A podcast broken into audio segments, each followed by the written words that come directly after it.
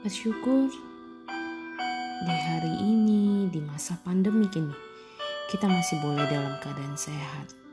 Mungkin kita mendengar berita-berita tentang bertambahnya keadaan kondisi pandemi ini. Bahkan mungkin mulai terjangkit terhadap anak-anak. Hari ini teman-teman bukan menjadi takut buat kita tapi membuat kita mengajari kita bagaimana kita masih boleh tetap menjaga protokol yang ada, menjaga kesehatan dan tidak menganggap remeh dengan penyakit COVID-19 ini. Hari ini teman-teman di masa pandemik ini secara pribadi saya belajar bersyukur.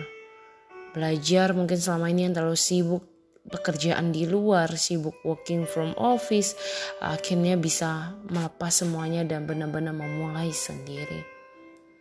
Dan di saat itu saya bersyukur juga saya memiliki waktu bisa dekat dengan orang tua di saat pandemik ini.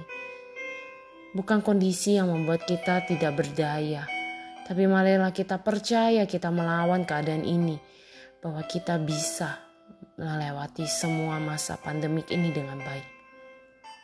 Buat Anda yang mungkin ada keluarga yang kita tidak tahu terkena dari mana, tiba-tiba harus isolasi, tiba-tiba ada yang kena OTG, tiba-tiba ada yang demam, teman-teman tetap jaga kesehatan.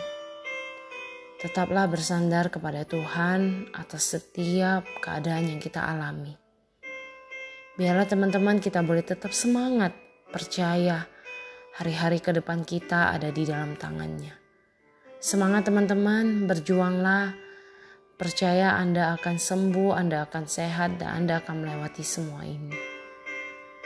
Tuhan memberkati kita semua, lakukan yang terbaik di dalam kehidupan kita untuk bisa memberikan hal-hal yang positif bagi orang di sekitar kita.